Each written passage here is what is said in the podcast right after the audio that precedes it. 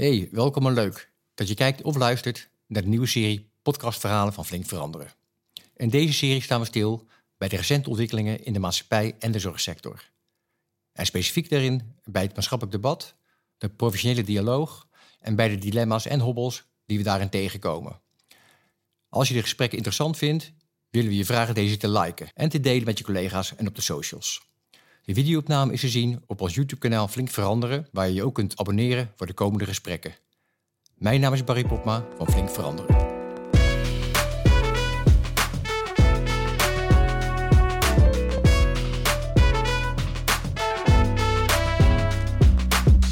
Nou Marcel, uh, dankjewel dat je er bent. Welkom. En uh, we hebben afgesproken dat ik uh, jij mag zeggen, dus dat ga ik dan ook bij deze doen. Maar laat me eerst even voorstellen aan de, de kijkers en luisteraars. Je bent jarenlang bestuursvoorzitter geweest van het AMC. de afgelopen jaren CEO van de University College London Hospitals, waar we nog even zo meteen in een, een fietskader nog even over hebben. En recentelijk voorzitter geworden van, het, van de Raad van Bestuur van de Nederlandse Organisatie voor Wetenschappelijk Onderzoek. Nou, ik heb een aantal uh, vragen uh, voorbereid, Marcel, en die, die gaan zo voorbij komen. Maar allereerst, nou, je bent nu te gast in een podcast, maar ik begreep, je hebt er zelf ook één. Ja, een beetje met de tijd meegaan. Hè? Dus nee, ik, ik doe samen met een collega, een huisarts, doen we elke week een podcast met ja, een beetje de actualiteiten, wat er gebeurt in de gezondheidszorg, wat we daarvan vinden, wat we leuk vinden, wat ons opgevallen is, dat soort dingen.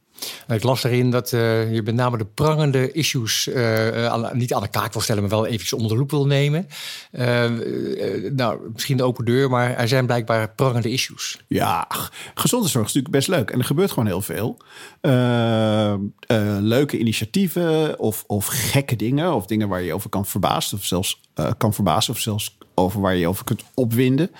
Uh, dus het is gewoon leuk. Het is een beetje een, een kletsrubriek. Oké. En waar heb je voor het laatst flink over opgewonden? Of verwonderd, mag ook. Ja, nou, oh ja, verleden week hadden we een podcast en toen was net in het nieuws gekomen dat het, ja, het is een beetje een technisch dingetje, maar dat het ministerie van VWS, die, uh, uh, die is door de rechter gedwongen om uh, ja, wat eh, transparanter te zijn hè, via de wet van openbaarheid van bestuur. Ja. En de Tweede Kamer heeft daarna gezegd dat zij dat eigenlijk ook vinden. En uh, tot mijn verbazing gaat het ministerie dan toch in hoger beroep. En dan denk ik, huh, waar komt dat nou vandaan? Wil je echt zo graag je gelijk hebben? Ja. Uh, als iedereen zegt van uh, misschien kun je daar verbeteren. Dus dat, ja, daar heb ik me dan over verbaasd. Ja, maar dat zijn er wel onderwerpen die uh, nou, de maatschappij wat bezighouden in, in, het hier en nu. En nou ja, als het gaat om transparantie, governance, openheid en dat soort dingen. Ehm, nou, in het voorgesprekje, net even, Marcel, hadden we het over, over, over, sport. en je hebt wel eens de, de, de wetenschap vergeleken met, met topsport. Ja. Waarin je zegt, joh, het is keihard werken, het is competitief, de beste willen zijn. Um, en ik las ergens in de voorbereiding van dit gesprek ook dat een aantal hoogleraren zeiden van nou, die vergelijking met topsport, die is eigenlijk een soort van funest. En zij zeiden, wetenschappelijke vooruitgang is gebaat bij, komt die, open kennisdeling, integriteit, diversiteit en sociale veiligheid. Heb jij het idee dat dat in het geding is? Um, ja, interessant. Hè? Ja, ik heb, kijk, weet je, het is een sportzomer nu met de Olympische Spelen en, uh, en voetbal. Dus um, ik dacht, kijken of het leuk is om een parallel te leggen tussen sport, topsport en topwetenschap. En als je die column goed leest, wat helaas uh, maar weinig mensen doen voordat ze erop reageren, um, dan uh, gaat hij vooral over samenwerken over frustratie en succes die elkaar afwisselen. Over het feit dat andere mensen je kunnen helpen. En dat misschien met verbreken van een record niet eens zo heel anders is dan het verleggen van de grens tussen het onbekende en het bekende, wat we in de wetenschap doen. Ja. Maar rondom sport en zeker ook topsport hangt ook een zweem van winnen en verliezen, van prestatiedruk. Um, en dat is een heel gevoelig puntje, merkte ik. Want ik was naïef, dat wist ik eigenlijk helemaal niet op dit moment in de wetenschap. In sommige uh, delen van de wetenschap, moet ik zeggen. En dat leverde dus een enorme hoeveelheid reacties op. En interessant genoeg aan beide kanten. Dus waren heel veel mensen op Twitter vooral heel boos. Die zeiden van uh, ja, het gaat eigenlijk helemaal niet meer om winnen en verliezen. Het, uh, daar moeten we juist een beetje vanaf. Dus die vonden het een slechte column. En onderwijl kreeg ik ook heel veel e-mails van allemaal vooraanstaande wetenschappers die zeiden: hé, eindelijk iemand die gewoon zegt hoe het is. Nou ja, Ehm, dus ik heb wel geleerd dat je voorzichtig moet zijn met dat soort vergelijkingen. En uh, nou, die les die neem ik wel met me mee. Maar aan de andere kant is dit debat nog niet helemaal over, denk ik. Nee, nou ja, kijk, uh, je zei net iets aardigs van... Uh, nou, de mensen moeten het ook goed, goed lezen. Ja, dus daar hoor ik een beetje in van... Goh, verdiep je erin, heb de aandacht voor voordat je ook iets vindt. Ja, dus ook een soort van, als je vindt, moet je jezelf goed voorbereiden. Um, ik las pas ook een, een stukje ergens op LinkedIn, geloof ik, dat uh, uh, nou, x procent van de wetenschappelijke onderzoeken daar toch een beetje mee gesjoemeld wordt. Ja, en dat is natuurlijk ook, ook in deze tijd een, een lastig ding. Van ja, wij, wat, kun je, wat kun je geloven, wat mag je geloven en, en wat gebeurt er nou eigenlijk? Ja, goed punt. Ja, weet je, er zijn verschillende dingen waarom wetenschap soms voor een algemeen publiek lastig wordt gevonden. In de eerste plaats uh, uh, genereert wetenschap soms twijfel.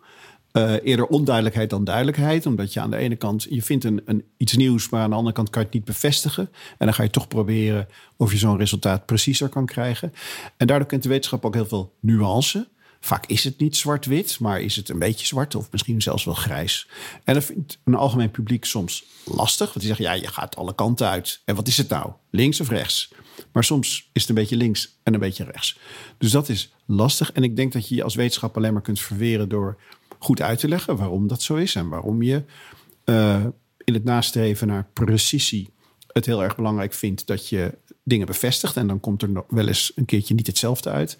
En de tweede plaats, en dat, dat raakt een beetje het punt wat jij aansnijdt, um, is het superbelangrijk om integer te zijn. Um, en dat betekent niet sjoemelen. En niet resultaten die je niet bevallen weglaten.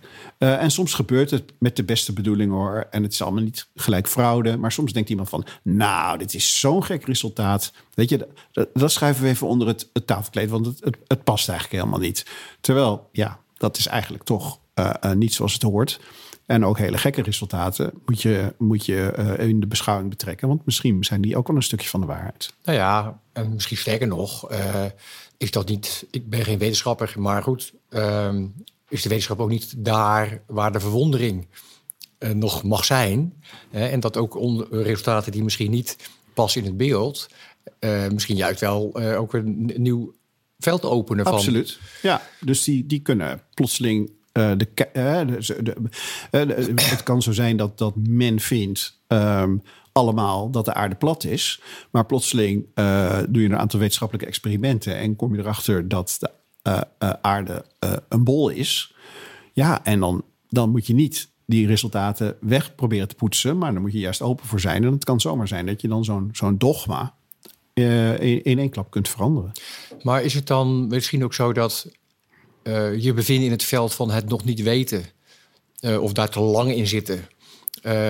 Wordt dat dan gezien als incompetent? Of uh, je bent niet scherp genoeg? Of dat is ergens voelt als, als ongemakkelijk. Ja, nou ja, we zijn natuurlijk allemaal heel erg keen op, op uh, korte termijn winst en snelle resultaten en duidelijkheid. Maar zeker als je een wat groter onderwerp bij de hand neemt en ook een, een wat meer fundamenteel onderwerp, dan, ja, dan maak je soms kleine stapjes.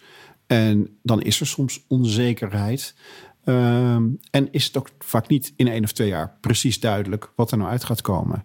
Um, bij andere vormen van wetenschap, die wat meer toegepast zijn, kan dat wel. Krijg je wel antwoord in één of twee jaar. Maar we, er moet ook ruimte zijn voor de wat meer fundamentele kant van de wetenschap, die zich voor het belangrijkste deel in het onbekende bevindt. En waarbij van tevoren niet helemaal te voorspellen is wat eruit gaat komen. Nee. Ik kom er zo meteen later nog even op terug. Um, maar een klein stapje terug naar de sport. Ja. We hadden het net al even over. Um, nou, je bent een fietser, een racefietser. Nou, uh, meer gasten in deze podcastseries die hebben laten blijken een liefde te hebben ontwikkeld voor het, voor het fietsen. Um, wat is jouw verhaal erbij?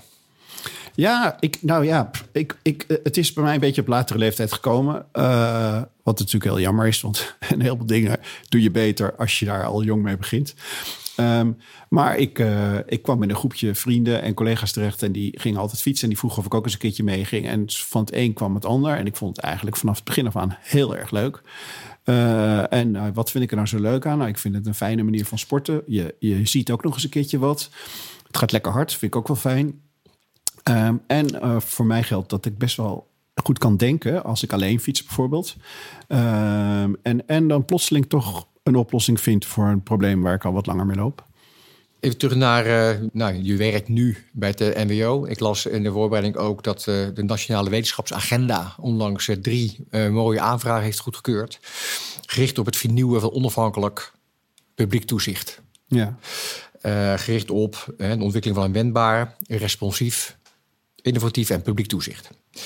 Um, en dat er een aantal inspectiediensten uh, een, beetje onder uh, nou, ter discussie staan. En er, er kwamen twee woorden die mij wel interesseerden in dit kader. Uh, door de mediatisering en de polarisatie stond daar zo mooi.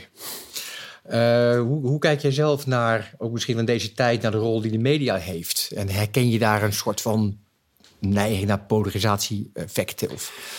Ja, media zijn natuurlijk super belangrijk. Hè? Want uh, die ja, in feite is het, is het, uh, het wordt vaak gezegd, is een van de hoekstenen van, van democratie, maar dat geloof ik ook wel. Want, want um, gelijkheid hè, tussen mensen begint bij uh, ja, het delen van kennis. Als de ene helft van de bevolking veel meer weet dan de andere helft van de bevolking, of meer op de hoogte is van de zaken, dan is het moeilijk om gelijkheid te realiseren. Dus daar heeft de media een mooie rol.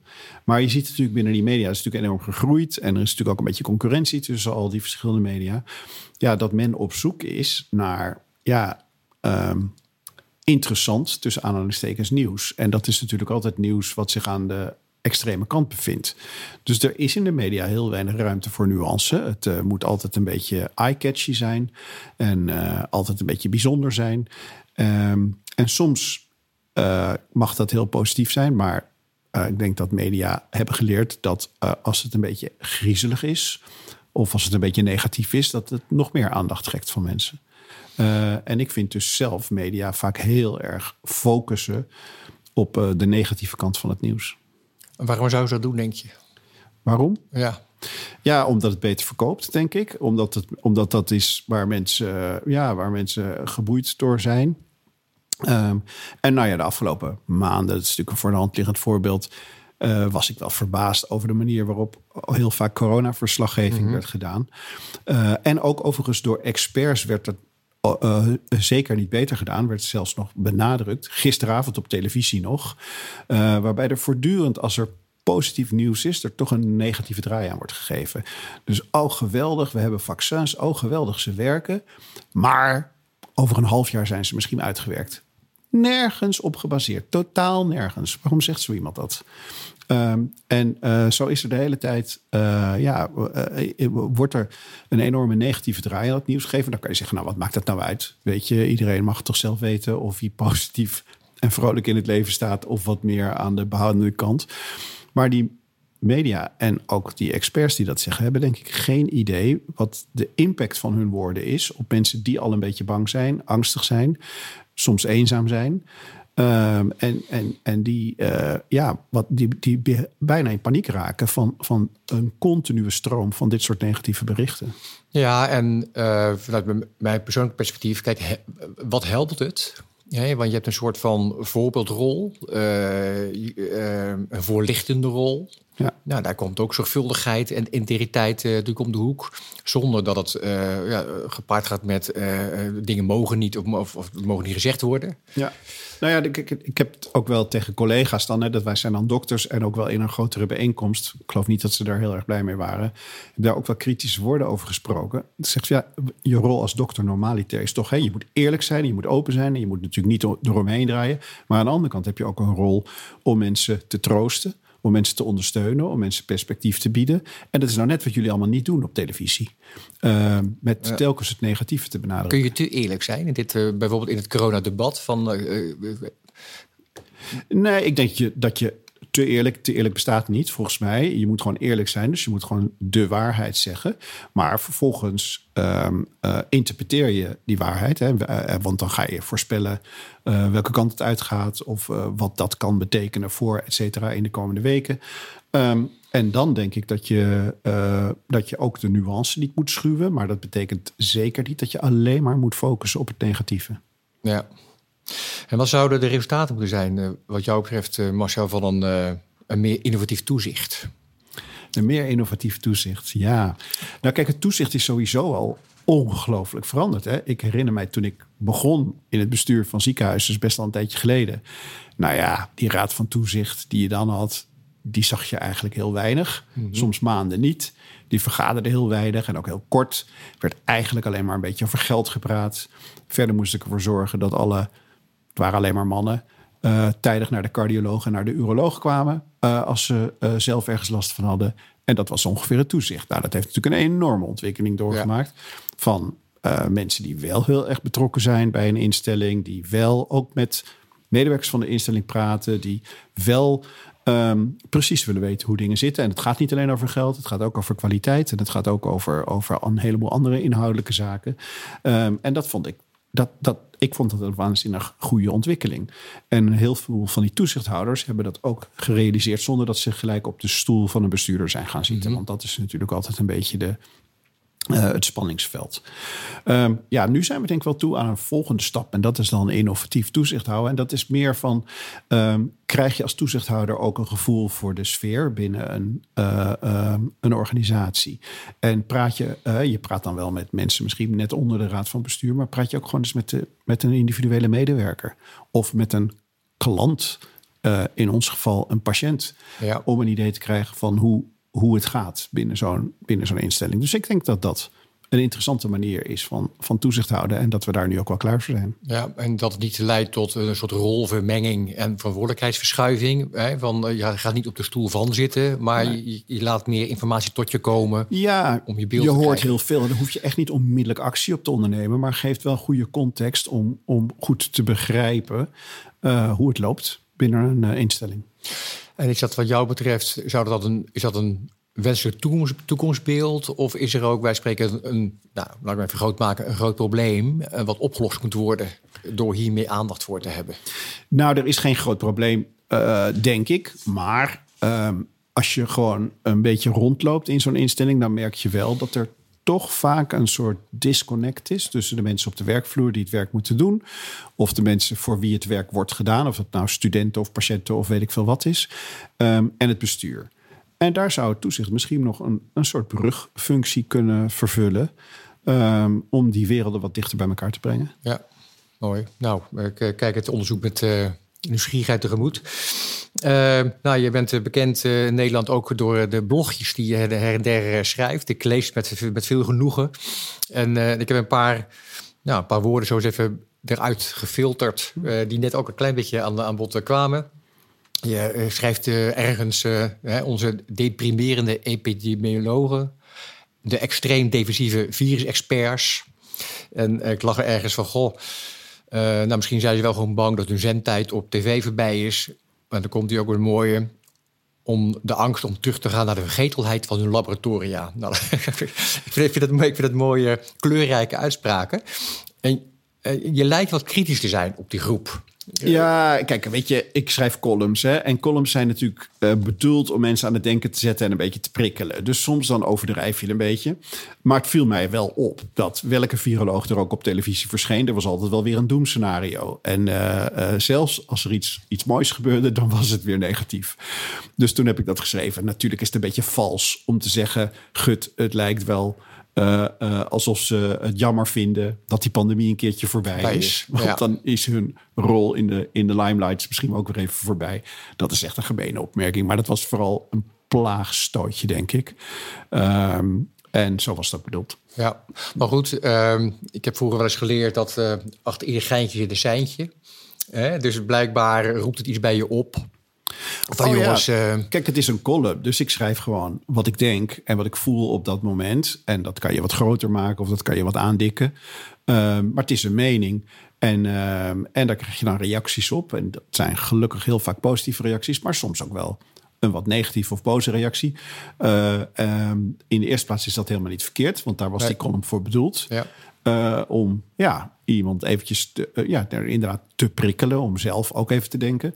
Ehm, en soms krijg je ook wel eens een reactie dat je denkt van... oh, dat heb ik toch dan misschien iets te scherp gezegd of niet goed gezegd. Nou ja, heb je ook weer wat geleerd. Zo be het. Ja.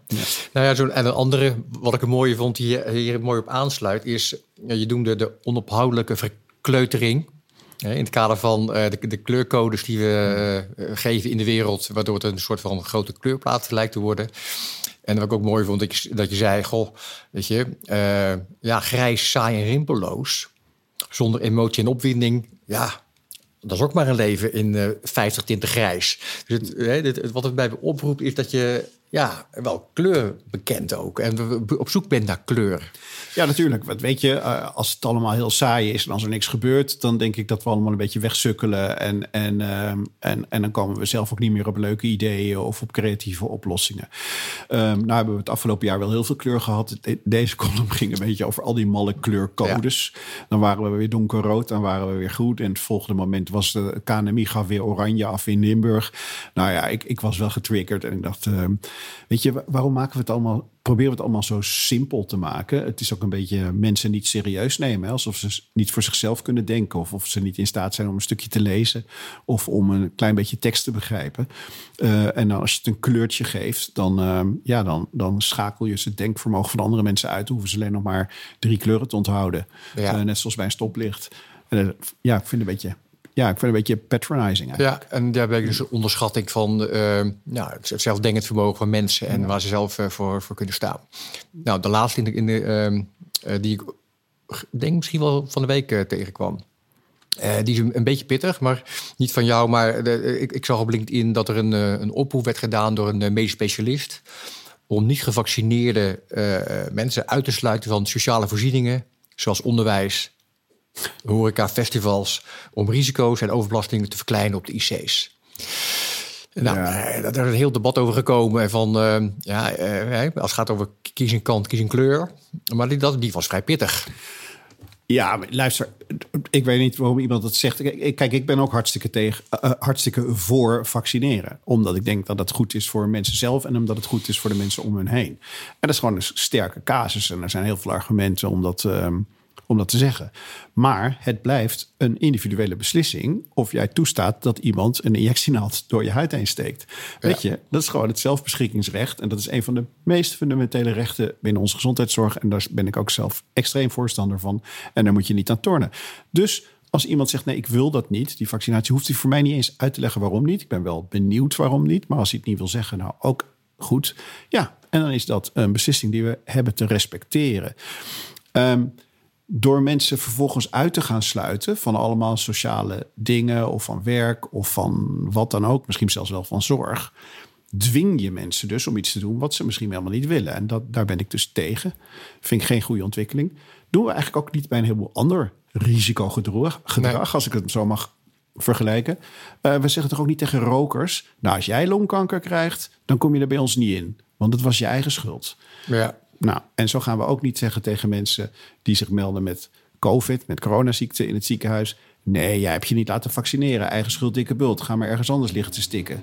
Natuurlijk zeggen we dat niet. En wat maakt dan dat het in, in, in deze huidige tijd met dit voorbeeld blijkbaar toch die scherpte krijgt. Nou ja, er, hebben natuurlijk heel veel mensen heel veel last van die pandemie. En, dan bedoel ik niet alleen medisch, maar ook gewoon hun winkel is niet open. Uh, uh, hun bedrijfje gaat failliet. Ze verliezen hun baan.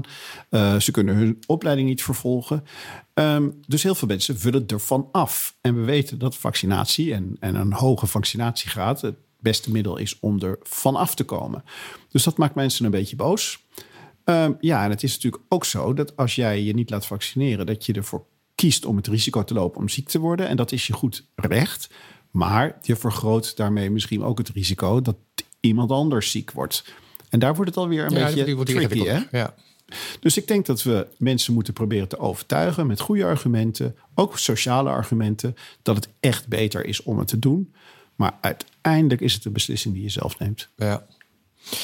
Marcel, welke mate denk je dat, of vind je dat COVID ehm, de gespreksarena toch wat gedomineerd heeft als we kijken naar andere thema's, zoals um, ja, het sociaal-maatschappelijk, uh, het geestelijk welzijn.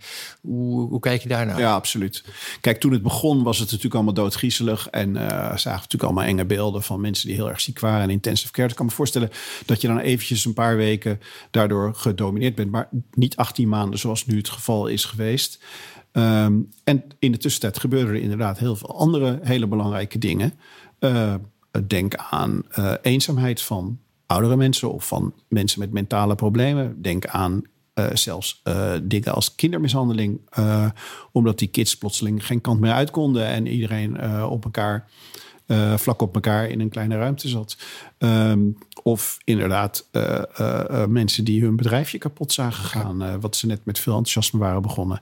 En ik denk dat we daar een beetje weinig oog voor hebben gehad, inderdaad. Hoe krijg je dat gesprek terug, denk je? Ja, weet je, het, het, het, ja dat, dat soort dingen dwing je niet af.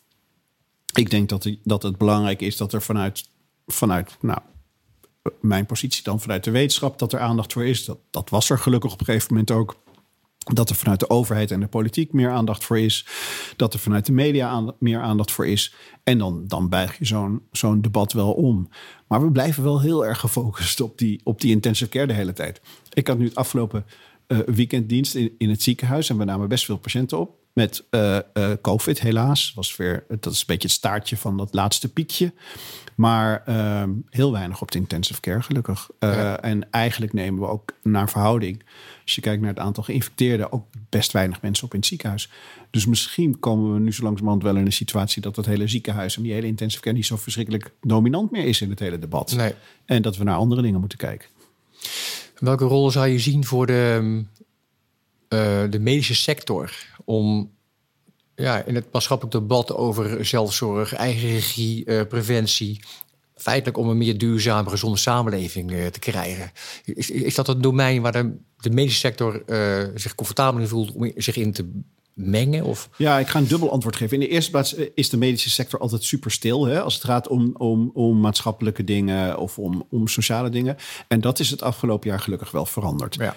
Dus uh, plotseling hadden wel een heleboel mensen een mening. Niet dezelfde mening per se, maar wel een mening. Hebben ze ook heel duidelijk en, en goed verkondigd in het openbaar, in de media of op uh, uh, stukjes die ze schreven. Dus dat is ik vond het een hele positieve ontwikkeling.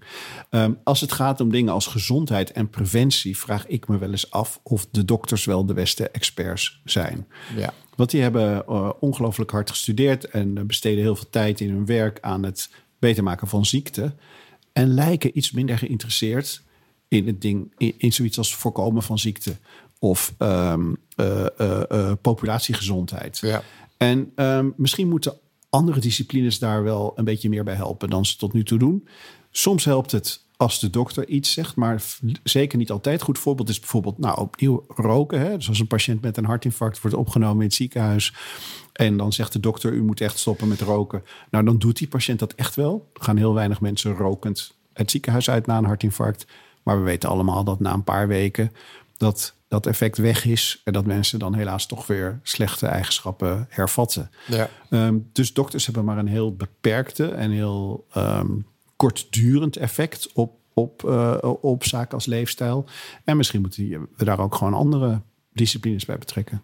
Merk je wel dat er, dat er steeds meer uh, doktoren, uh, artsen, huisartsen en, en, en dergelijke... Uh, toch meer openstaan voor dat veld en... Ja, dat denk ik wel. Dus, dus uh, we maken een ontwikkeling door waarbij toch steeds meer mensen zeggen: ja, maar luister eens, uh, het is wel leuk om iedereen uh, die zich meldt met een ziekte om die beter te maken. Dat zullen we ook echt wel blijven doen in de komende decennia. Maar misschien moeten we toch ook iets meer oog ontwikkelen van waarom zijn al die mensen ziek geworden? En, en kunnen we ze niet adviseren om dingen te doen waardoor dat wat minder vaak gebeurt? En er kunnen dingen zijn zoals bewegen, zoals voeding. Ehm, misschien zelfs uh, uh, zaken als het milieu die daarbij een rol spelen. Ja. En ik merk om mij heen dat steeds meer, zeker ook jongere uh, artsen, daar heel veel belangstelling voor hebben. Ja, dat is een mooi veld om te verkennen. En nou, er gebeuren al mooie dingen in. Ja. Um, wat zijn daar naar jouw idee de, de versterkende of belemmerende factoren in om nou, dat, die preventie of dat dat veld wat meer naar voren te halen? Want dat, het, is Ja. niet, het is niet vanzelf. Nou, om uh, met een lekker plat argument te beginnen, geld. Geld. Ja, je Ja. wordt wel betaald voor het behandelen van een longontsteking of een longkanker, maar je wordt niet betaald voor ehm, eh, eh, iemand ehm, te coachen zodat hij kan stoppen met roken. Daar is geen betaaltitel voor, om maar weer iets van het vreselijke jargon te gebruiken. Of ehm, het is iets wat zich afspeelt in een ander segment van de gezondheidszorg. En eh, we weten allemaal dat dat allemaal silo's zijn, waar tussen geld niet kan bewegen. Dus dat is echt wel jammer dat we het zo hebben geregeld. Want waarschijnlijk kun je daar heel veel. Ja, kun je met de, de eurotjes die we uitgeven, kun je veel meer bereiken uiteindelijk. Eh, en dan niet alleen financieel, maar ook gewoon in levenskwaliteit en levensgeluk van mensen. Dus dat is ook, ja, dat, is, dat lijkt me een goede deal. Stel nou eens voor dat uh, de wens van mensen uh, die ik zo her en der tegenkom en lees op LinkedIn en dergelijke, die zeggen nou, misschien moet Marcel maar eens onze minister worden. Ja. Stel dat het zo zou zijn. Wat zou het eerste zijn wat je dan zou aanpakken? Of zou, zou dit dan iets zijn waarin je zou kunnen zeggen: goh, ik ga die silo's afbreken? Nou, die silo's, ja, weet je, ik wil wel honderd dingen doen. En, ehm, en dat van de minister, dat moeten we nog maar eens een keertje zien, want dat lijkt me buitengewoon onwaarschijnlijk. Um, maar ehm, ehm, eh, het afbreken van silo's en, en ehm, het mogelijk maken van financieren van ja, een wat meer integrale view op, op bepaalde problemen. In plaats van dat het geld allemaal onderverdeeld is in huisartsenzorg en ziekenhuiszorg en, en, en publieke gezondheidszorg. Dat lijkt me nog niet zo ingewikkeld. Dus dat is een van de eerste dingen die, die echt moet gebeuren. Want nu gebeurt het af en toe ook wel, hè, maar dat is altijd in de vorm van een project. Ja. En dan uh, is er iemand die zegt van oké, we gaan er geld voor. En, maar dan is het project afgelopen na één of twee jaar. En dan is het, is het ook weer weg. Ja, dan, dan is bestaansrecht of misschien wel de noodzaak voelt dan dat hij weg is. Terwijl het, uh, ja. het, het, is er nog. Heel vreemd. Ja. Um, een andere route, nu even Marcel. Ik heb je leren kennen in interviews. Ja, een stuk die ik las als iemand die um, nou, een appel doet op uh, zuiverheid en logica. Dus uh, net gaf je ook aan van jongens, lees je stukken, verdiep je goed, wees je tegen daarin. En dat je vastberadenheid hebt om te bereiken wat, je, wat nodig is. Um, nou, even los van de intelligentie in het hoofd. Was ik nieuwsgierig naar of je ook ruimte maakt, voelt. Of voor de intelligentie van het hart. Ja, hoe, hoe, hoe, hoe, hoe, doe je dat? Ja, goede vraag. Dat was wel een van de dingen die ik de afgelopen jaren, toen, ook toen ik wat meer ging besturen, heb geleerd. Je, kan, je komt een heel eind hè, met ratio en met redeneren en met uh, logisch denken. Maar dat is niet het hele verhaal. Soms snap je ook een probleem gewoon niet met je verstand als je geen begrip hebt voor de emotie die erachter zit. En waarom iemand dan zo boos of teleurgesteld is. Of, of iets als een probleem ziet. Dus dat is een, dat is een heel andere dimensie. En het, ja, ik geloof enorm in balansen in het leven. En dit is mm. ook weer zo'n mooie, waarbij nou ja, ik, ik, ik redeneer inderdaad vanuit het verstand, maar probeer toch altijd een beetje de balans te zoeken met. Maar misschien zijn er ook emotionele factoren of, of mentale factoren die een heel erg belangrijke rol hierbij spelen. Uh, en dan kan je nog de meest fantastische, intelligente oplossing bedacht hebben. Maar als je dan toch geen oog hebt voor, ja, voor dat soort factoren die erachter zitten, dan, dan bereik je je doel uiteindelijk toch niet. En geloof jij ook dat er een.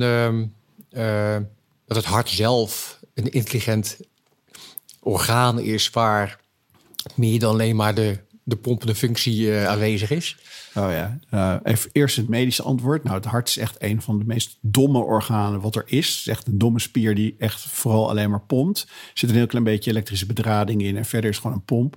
Dus ik kan wel zes organen noemen die echt slimmer zijn dan het hart. Dit is altijd heel leuk om tegen cardiologen te zeggen. Dan voelen ze zich een heel klein beetje aangesproken. denk ik, hoezo? Je bent zelf toch niet zo... Uh, ik heb, zeg toch niks over jou? Ik zeg alleen maar iets over je lievelings orgaan. Um, het is ook nog eens een keertje hol, hè? Dus het is ook nog voor het grootste deel bestaat het gewoon, uh, zit er niks in. Um, dus nee, ik denk dat die dingen wel te scheiden zijn, maar dat ze in een mens bij elkaar komen. Dus uh, uh, ik denk niet dat je hart zo vreselijk veel voelt, maar, je, uh, maar met je hersenen ehm, wel degelijk. En ja, een, een, een, een levend wezen met een hart, maar zonder hersenen, of andersom, is niet heel veel waard. Nee, het gaat in die zin om de balans en de versterkende werking van beide in jouw idee. Mooi. Um, nou ja, eh, als bestuurder van, van grote uh, instellingen eh, die je hebt geleid, was ik even nieuwsgierig naar wat zijn jouw drie meest belangrijke leiderschapslessen? Als je, als je op terugkijkt van, goh. Nou ja, dat is een leuke vraag. Het zijn er best wel meer dan drie, maar ik zal proberen er even de drie te noemen die het eerst in mijn hoofd opkomen. In de eerste plaats, um, en dat probeer ik ook heel vaak uit te leggen aan jonge mensen die ook belangstelling hebben voor leiderschapszaken. Uh, het gaat er niet om dat het, je bent niet de baas. Dat denkt hmm. iedereen, hè? Dus iedereen zegt dat tegen mij: ja, je, hebt dat, uh, je weet het altijd, dat is goed. Waarom doe je het dan niet gewoon in je ziekenhuis? Dus, uh, je bent toch de baas daar? Zeg, nee, ik ben niet de baas. Echt niet. Zo werkt het niet. Zeker niet in een professionele instelling. Ehm, ik vind de vergelijking veel leuker dat je misschien een dirigent bent van een orkest. En een, een, een ziekenhuis is net een orkest. Het is vol met muzikanten die allemaal fantastisch muziek kunnen maken. Maar de rol van de dirigent is om te zorgen dat de muziek die ze samen maken mooier is dan de optelsom van al die muzikanten afzonderlijk. Ehm, en hoe doet een dirigent dat? Nou, die staat voor de troepen en die zwaait een beetje met zijn stokje. Die geeft de ritme aan. Gaan we harder, gaan we zachter. Die geeft ook soms de toon aan. Die knikt een beetje naar sommige groepen van nou, uh, ietsje meer alsjeblieft. En die knipoogt een beetje naar andere groepen van nou, een beetje dimmen, ietsje zachter. Uh, en dat is wat een dirigent doet. En, um, maar die uh, moet het wel mogen. Die moet, toe, die moet toegestaan worden om ja, dat te doen, hè? Ja, en dat kun je doen doordat de dirigent wel verstand moet hebben van de muziek en wel de bladmuziek moet kunnen lezen en ook gezag moet hebben bij de muzikanten. Dat ze niet denken, wat is dat voor flutfiguur? Ja. Waarom zouden we doen wat hij zegt of zij? Um, dus ja, dat is daar ook onderdeel van. Maar je, maar je kunt niet de baas spelen. Nee. Dat kun je, kun je wel doen hoor. Je kunt één of twee keer een beslissing er doorheen drukken. Maar dat kan je niet veel vaker doen. Want dan is je positie heel snel weg. Maar als je. En je kunt ook dingen op de agenda zetten. En mensen zullen echt wel naar je luisteren. Um, en uh, je kunt ook je eigen mening wel geven. Maar uiteindelijk is dat toch. Uh, geloof ik zelf meer in een type leiderschap wat faciliteert dat andere mensen kunnen schitteren. En dat is ook eigenlijk veel leuker om te doen. En wat maakt dat dat in de praktijk toch zo vaak misgaat, naar jouw idee? Je bedoelt in het algemeen? In het algemeen. Of, bij, of, of... Nou, het algemeen, als het gaat om leiderschap. Van, kijk, we, we weten wel een beetje hoe het zit. En uh, nou, een, een, goede oude vriend van mij, uh, misschien ken je hem, uh, professor Jan Moen. Die zei wel eens, goh, de, de common sense op dit soort thema's is vrij hoog. We snappen allemaal wel dat het zo zou moeten werken. Maar de common practice is toch vaak wat ingewikkelder in de praktijk. Ja, nou, om twee verschillende redenen. In de eerste plaats denk ik dat het ook betekent als baas van iets of als leider van een organisatie dat je je moet realiseren dat jij niet de belangrijkste persoon in het gebouw bent. Dus wat ik ook nooit heb begrepen is waarom de directie altijd ergens apart in een hoekje moet zitten. Soms doen ze zelfs de deur op slot, dat er niemand in kan. Uh, en er ligt daar, het is de enige plek in het ziekenhuis waar tapijt op de vloer ligt. Echt nergens anders. Internationaal is dat zo. In Amerika noemen ze de directieafdeling Carpetland. Oké. Okay. um, En, uh, en soms is er zelfs een koffiemevrouw die de koffie voor je inschenkt. En dan denk ik wel eens, ja, maar op de eerste hulp wordt misschien nog wel veel harder gewerkt. En er is de deur helemaal niet op slot. Er komt iedereen binnen, ook hele boze mensen of mensen die zelfs gewelddadig zijn. En er schenkt helemaal niemand koffie voor je in. En wa waarom zou dat in de directievleugel dan wel zo zijn? Dus dat is een misverstand. Ik denk dat, dat de directie helemaal niet het belangrijkste plekje in het ziekenhuis is. Misschien wel een van de minst belangrijke plekken. En het zou eigenlijk faciliterend moeten zijn en niet centraal moeten staan. Dus dan moet je ook je ego af en toe even wegpoetsen. Nou, en waarom het nog meer moeilijk is, is ja, het blijft mensenwerk. Ja. Dus dat verhaal van mij is natuurlijk wel heel mooi van de dirigent en dat orkest. Maar als je gewoon een, uh, een violist hebt die gewoon zegt: Ik trek me er gewoon helemaal niks van aan en ik ga gewoon hele andere muziek spelen dan jullie allemaal. Ja, dan, we ja, hebben een klein probleem. wordt het weer een beetje ingewikkeld. ja, zeker. Um, we hebben er één gehad.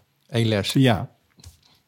Um, ja, een, een, een andere les uh, die ik heel belangrijk vind, is dat je vooral jezelf moet zijn. Dus je moet heel authentiek zijn. Je moet niet gaan proberen iemand te gaan imiteren. Want hebben mensen namelijk onmiddellijk door.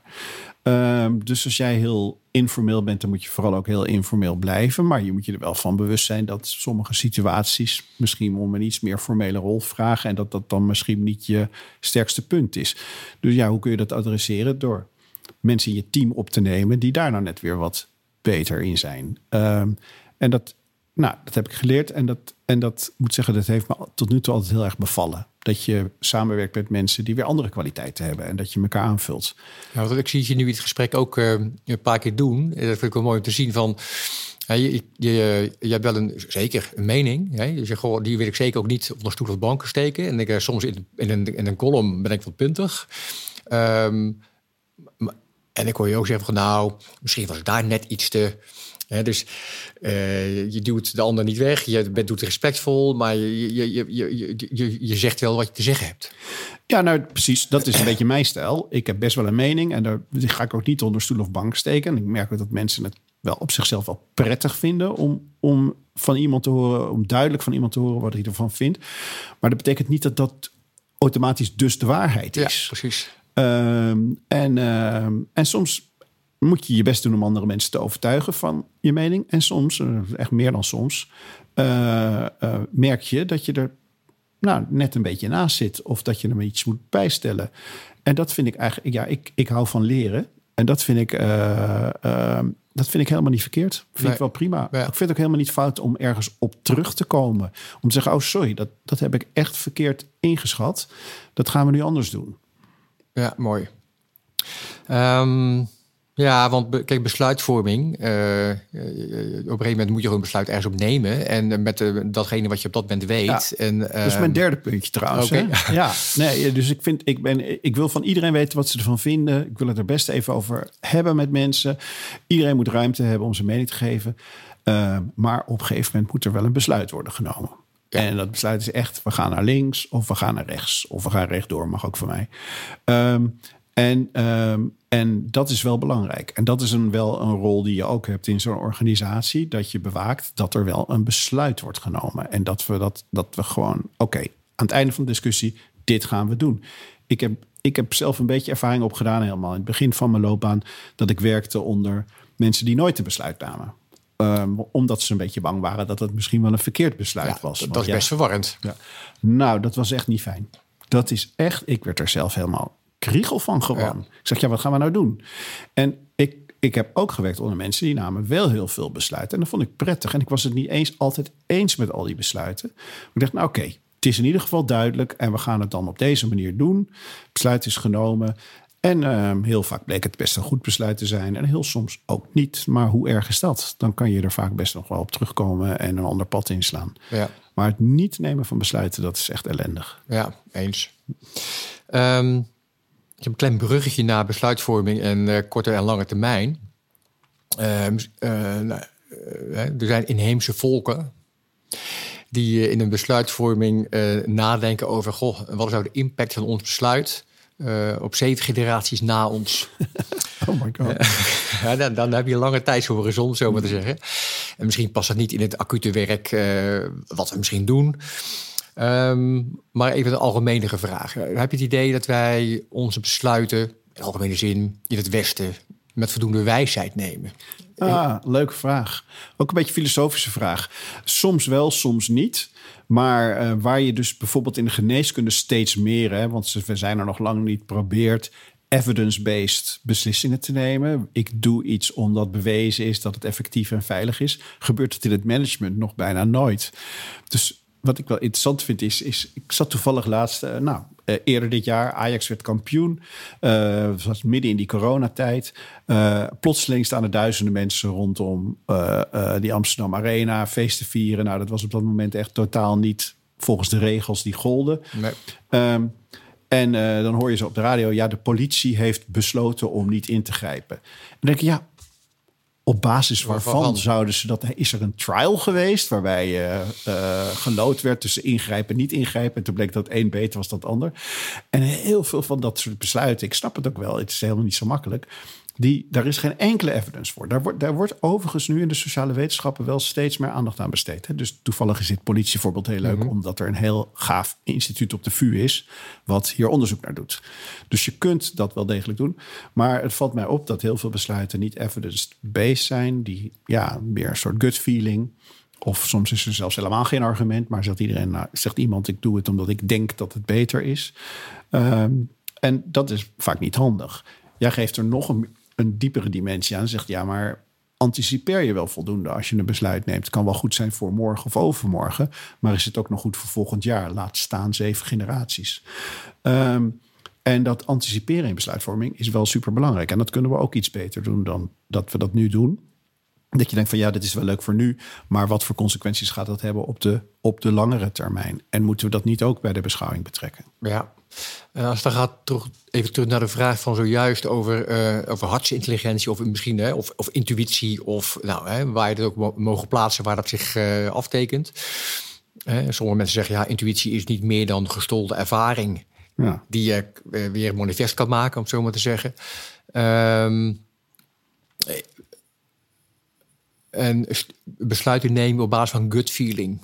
En, en zeggen, hoor, ik kan het niet helemaal precies uitleggen waarom, maar ik, ik, ik, ik voel dat dit de goede weg is? Is daar ruimte voor in bestuur? Nou ja, er is natuurlijk een heel spectrum van, van uh, uh, dingen waar je je besluit op kan baseren. Dus misschien is het fijnste als je echt data hebt waar je je uh, besluit op kan baseren. Maar soms zijn die er gewoon niet.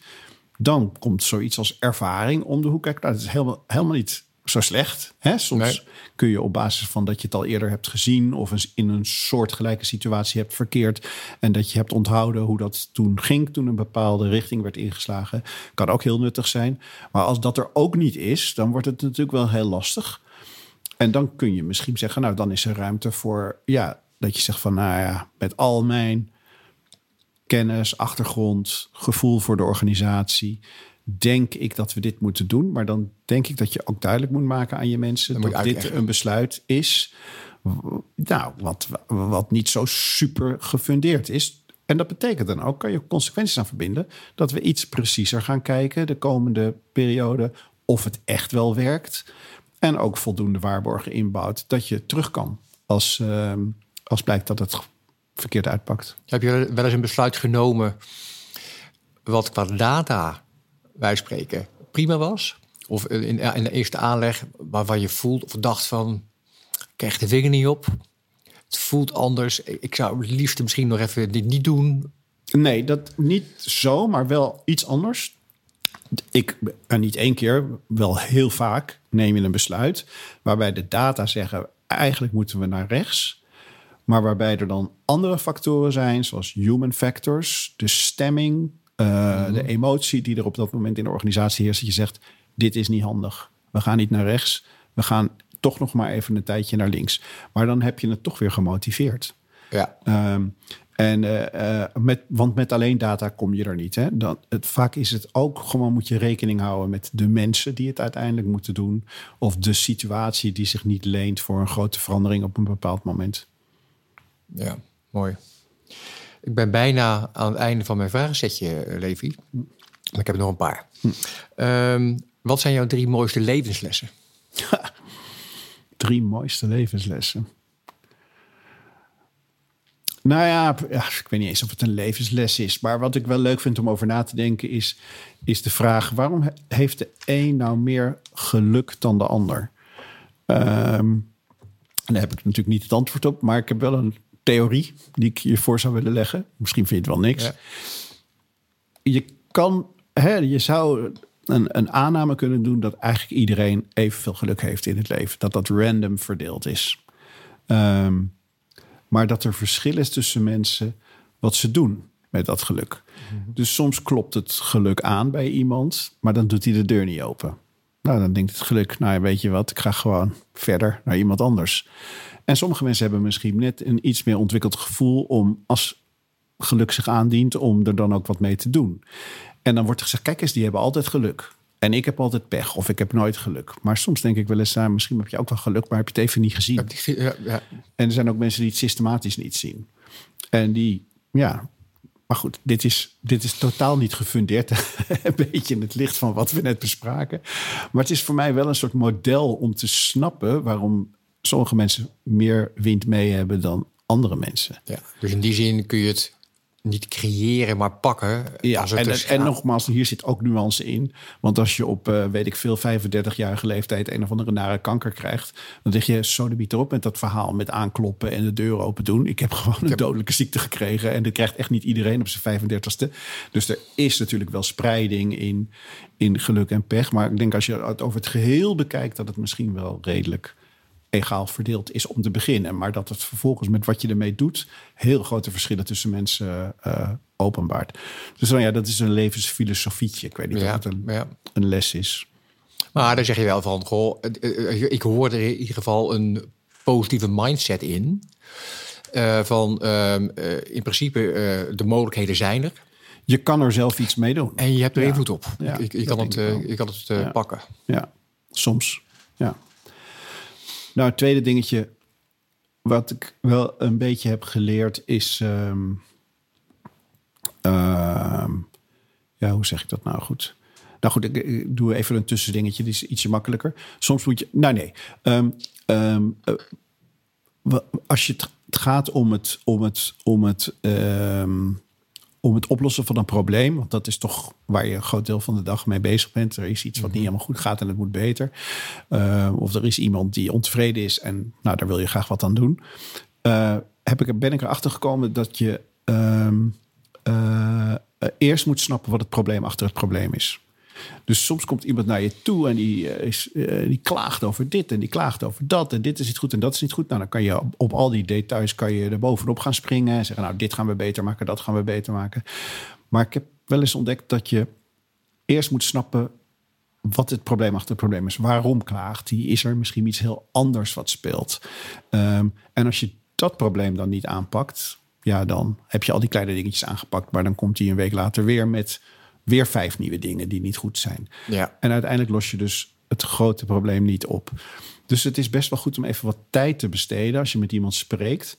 Om eerst te snappen. Wat, wat is eigenlijk het probleem achter het probleem? Ben je misschien wel heel ongelukkig in je functie? Of, of misschien is er wel iets heel, iets heel anders wat je niet bevalt, maar vertaalt zich dat in een ontevredenheid over kleine dingen. Ehm, en dat nou, ik heb wel een paar keer gemerkt dat dat, dat wel een, uh, een enorme wending kan geven aan uh, een gesprek wat je met iemand hebt. Ja. ja, een van de zinnetjes die wij in ons bedrijf eh, flink veranderen als, uh, ja, als axioma hebben is... mensen willen zich gehoord en gezien voelen. Ja. En dat wat ze laten zien aan je... is niet altijd per se datgene wat er echt is. Ja. En dat is een voorbeeld van... nou, dat is ook wel een leuk bruggetje naar, naar het derde. Ik denk inderdaad soms denk ik ook wel eens, ik heb toch al drie keer gezegd dat ik vind dat jullie je werk allemaal heel goed doen en, uh, en dat het allemaal fantastisch loopt. Dat is nog steeds niet genoeg. Uh, en uh, dus daar moet je een zekere maat van geduld in opbrengen. Mensen willen super graag horen.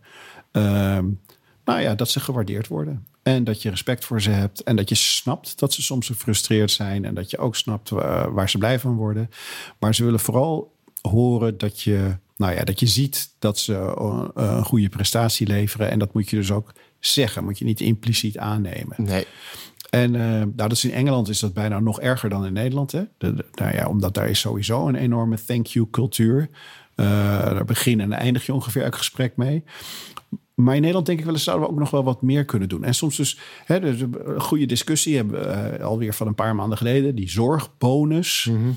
hè, we gaan iedereen weet ik veel, wat was het, duizend euro geven of zo, omdat ze zo verschrikkelijk hard hebben gewerkt. En dan denk je, ja, die duizend euro, duizend euro, dat is natuurlijk fijn. Dan kan je iets leuks verkopen of uh, een kleine vakantie van vieren. Maar dat ben je al heel snel weer vergeten.